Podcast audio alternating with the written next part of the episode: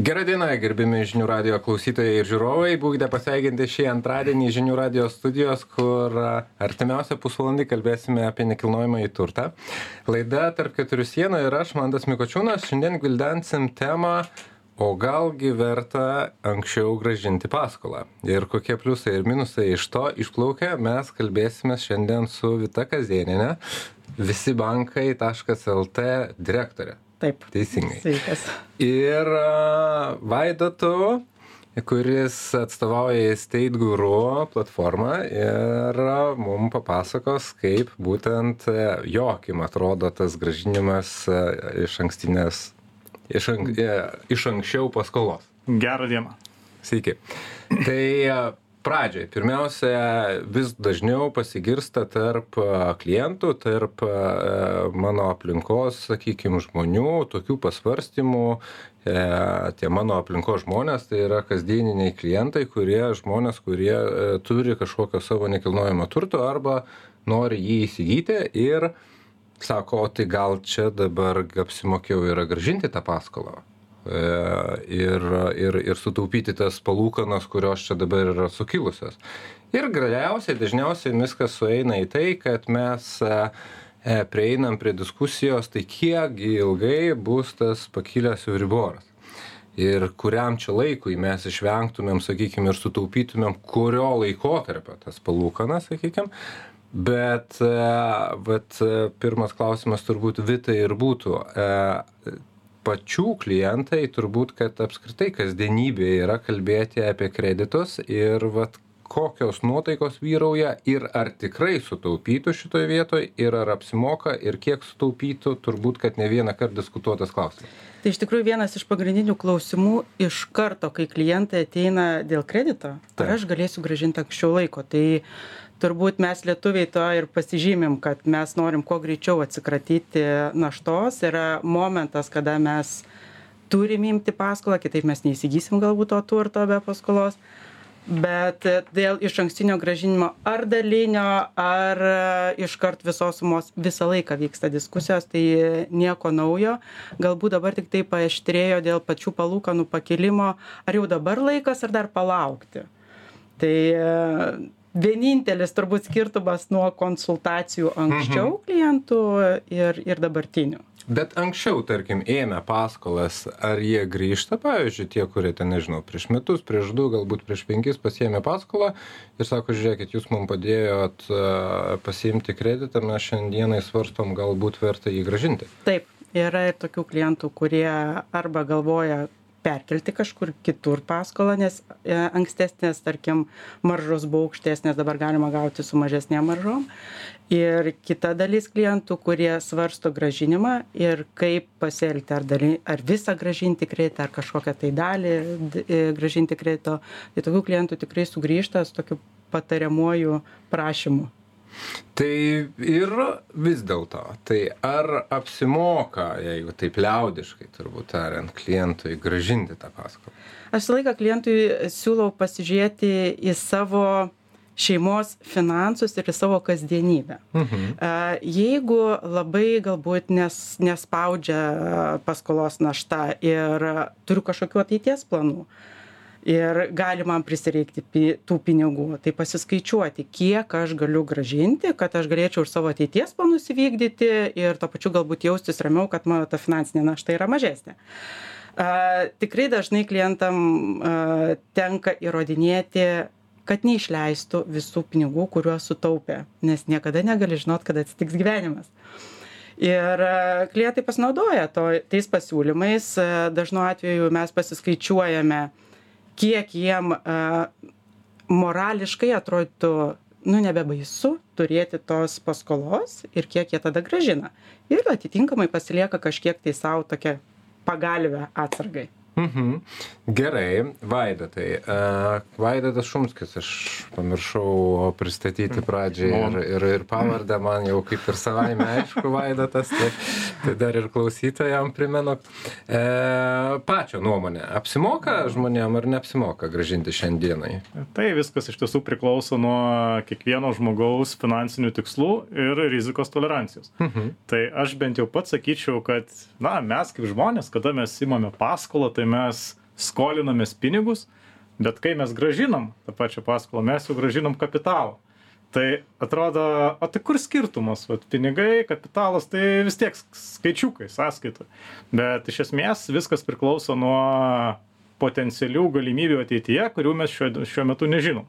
Mhm. Tai jeigu, sakykime, žmogus galbūt netoleruoja rizikos, galbūt neturi kažkokių na, finansinių tikslų, sakykime, jis neinvestuoja į investicinius fondus, neinvestuoja į akcijas ar į sutelktinį finansavimą, tai tokiam žmogui iš tiesų turbūt vienas geresnių patarimų būtų e, gražinti paskolos, na, dalį, bent jau tą dalį, kurią jisai gali gražinti. Tai ypač toks, na, manevras, jeigu tai būtų galima pasakyti, finansinis manevras, turėtų racijos, jeigu būtų likęs gana trumpas laikotarpis iki paskolos termino, iki Taip. paskolos pabaigos, nes tokiu atveju galima būtų sakyti, kad štai, na, dabar sakykime, banko marža, kalbėkime apie būsto paskolą kaip pavyzdį, tai sakykime, banko marža yra 2 procentai, Euribor yra 4 procentai suapvalinus, tai iš principo 6 procentai ir jeigu iki gražinimo pabaigos yra likę 2-3 metai, tai atrodytų tikrai, kas galėtų būti geriau. Tai yra praktiškai be rizikos mes galime uždirbti 6 procentus. Mhm. Tačiau jeigu paskolos laikotarpis yra žymiai ilgesnis, jeigu yra 10 metų, jeigu yra 15 metų, mes jau turime kalbėti apie potencialias galimybės ateityje, kurių kuriomis mes nebepasinaudosim. Nes esminis dalykas yra tas kad jeigu jau aš grąžinu paskolą aš atgal šitų pinigų nebeišsiimsiu iš tos paskolos. Bet ku vat aš čia pabandysiu perteikti tą žmonių logiką. Jie sako tai žiūrėk nu aš va čia grąžinu po dviejų trijų metų vėl pasiskolinsiu kai nukris palūkanos. Na mes nežinome kas bus po dviejų trijų metų. Galbūt mūsų pačių finansinė padėtis pasikeis. Galbūt po po dviejų trijų metų e, na vėlgi kalbėkim pavyzdžiais galbūt po dviejų trijų metų apple akcijos atpigs per pusę ir mes e, trinsime rankomis galvodami kad o pagaliau sulaukiau tos galimybės nusipirkti pigiai tikrai puikaus turto.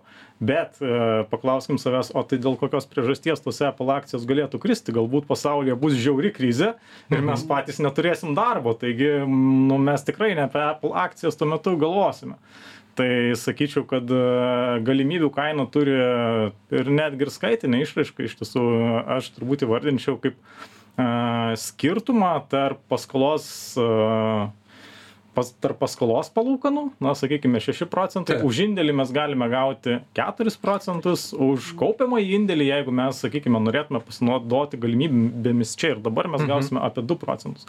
Tai tie na priklausomai nuo požiūrio arba du procentai per metus arba keturi procentai per metus yra galimybių kaina kurią mes sumokame už tai kad galbūt po metų po dviejų pasinaudotume mhm. kažkokiomis galimybėmis ir įsigytume atpigusio turto jeigu tai įvyktų. Jeigu jis atpigtų. Taip jeigu jis atpigtų Gerai.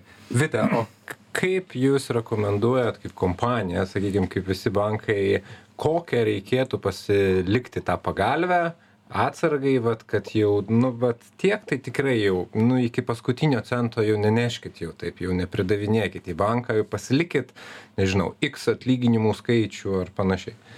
Dažniausiai būna pasiskaičiuojama, kiek žmogus per mėnesį išleidžia kad bet kad žmogui būtų paprasčiau nes tikrai e, lietuviai dar mes nelabai skaičiuojam kiek išleidžiam. Aš kažkada paskaičiavau būčiau geriau neskaičiavęs. Jo tai vat dažnai dažnai tą girdžiu iš klientų irgi.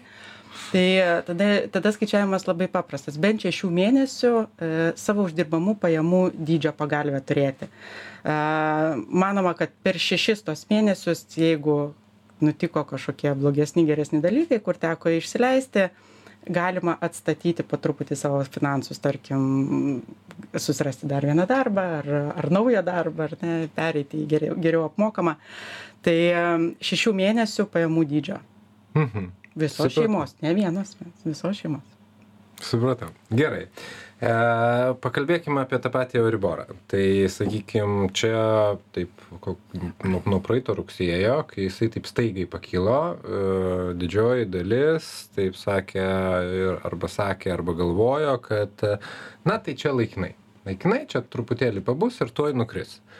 Ir aš jau kuo toliau, to vis labiau pradedu girdėti tą, kad gal čia jau nebelaikinai, gal čia jau jisai užsibus. Tai vad klausimas, užsibus ar ne? Klausimas, kas yra, kas yra ilgai, turbūt, kiek, kiek laiko Mhm. yra ilgai. Tai Čia vėlgi e, subjektyvu čia subjektyvus turbūt, dalykas. Tai žmogus- jeigu be abejo ir tada vėlgi klausimas, iki kur nukris. Tai jeigu mes tikimės, kad nukris iki ten, kur buvo septynerius metus iki nulio, tai turbūt, kad gali netgi ir niekada nebenukristi. Tai čia turbūt e, ir toks variantas įmanomas. Mhm. E, finansų rinkos rodo, kad iš tiesų toks Euriboras, koks yra dabar, tai apie 4 procentus dar išsilaikys maždaug iki kitų metų pirmojo ketvirčio, tai praktiškai iki kovo mėnesio. E, Pikas tikėtina bus pasiektas lapkričio mėnesį, tai dar maždaug yra tikimasi. kad- 24 E, ar šių metų, 23? šių metų, atsiprašau. Ta- Tai kaip ir yra tikimasi, kad dar yra tikėtinas vienas palūkanų didinimas iš Europos centrinio banko, bet daugiau jau finansų rinkos nebeižvelgia. Ir tada natūralu, kad kurį laiką centriniai bankai turbūt lauks ir žiūrės, tai kągi jie čia padarė su tais palūkanų didinimais.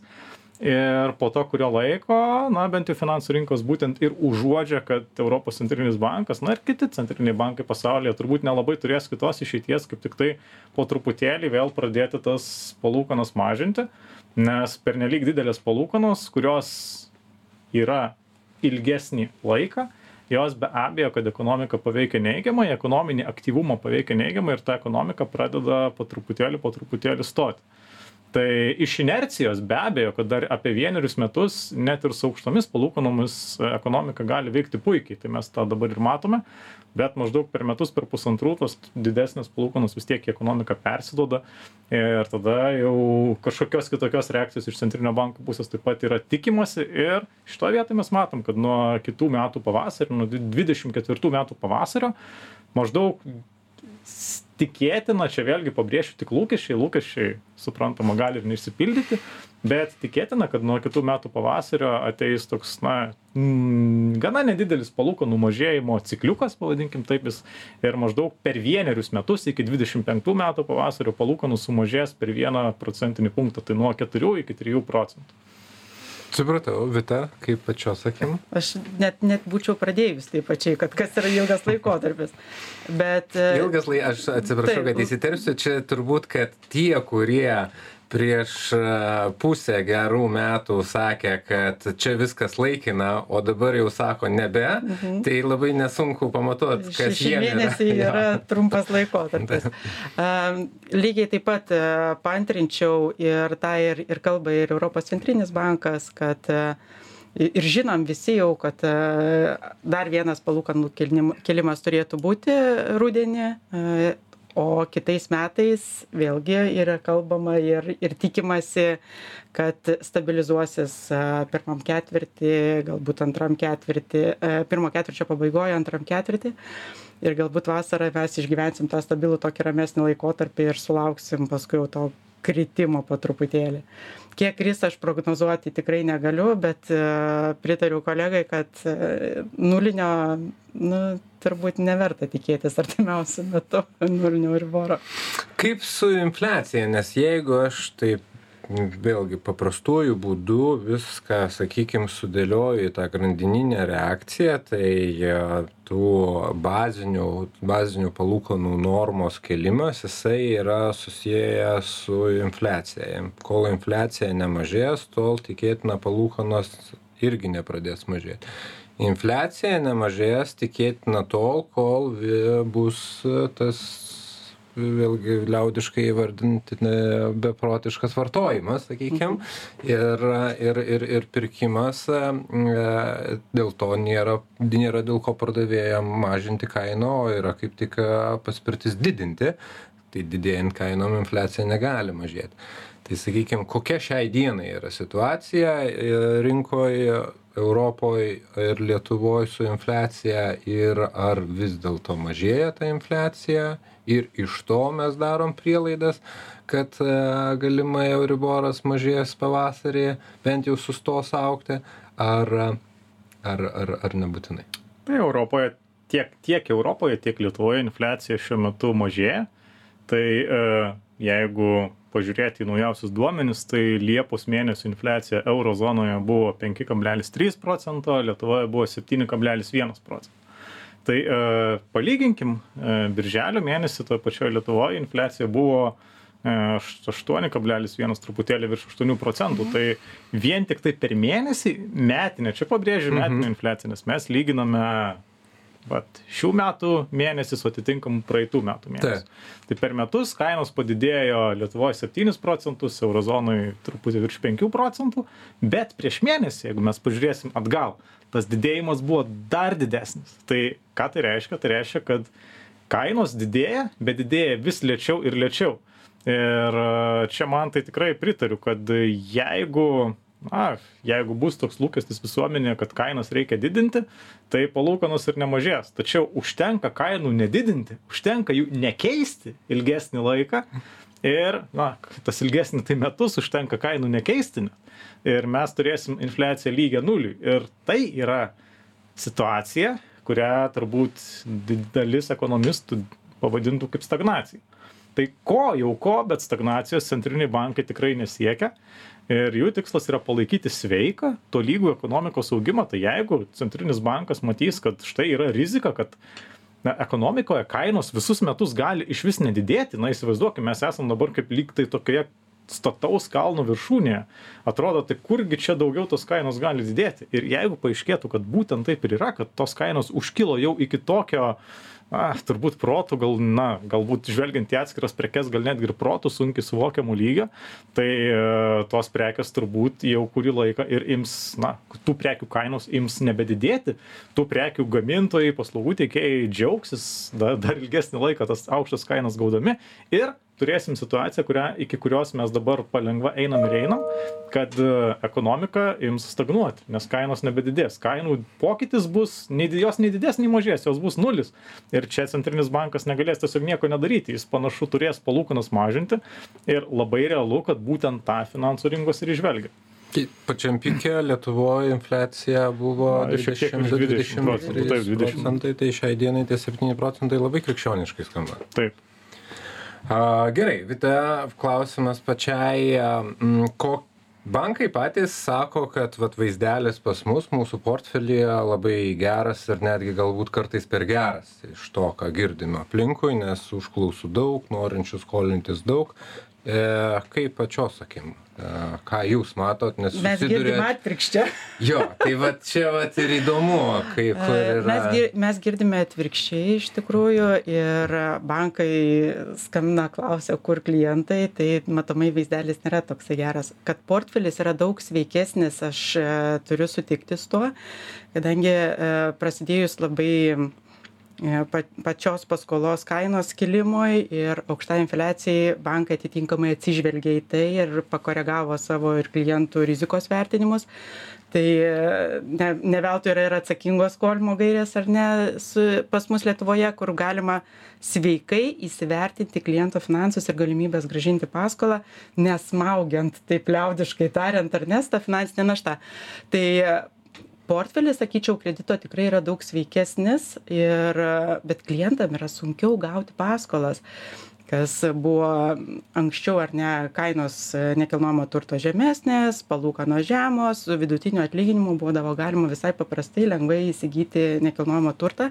Šiai dienai tai yra sudėtingiau bet po truputėlį po truputėlį vis tiek viskas išsilinguoja baigsis vasara vėl visi pradėsim ieškoti norėsim išsikraustyti į naujus namus iki naujų metų iki kalėdų ir aš manau kad po truputėlį rudeniop vėl e, grįšim ne į pradinę stadiją bet į aktyvesnę. Mhm.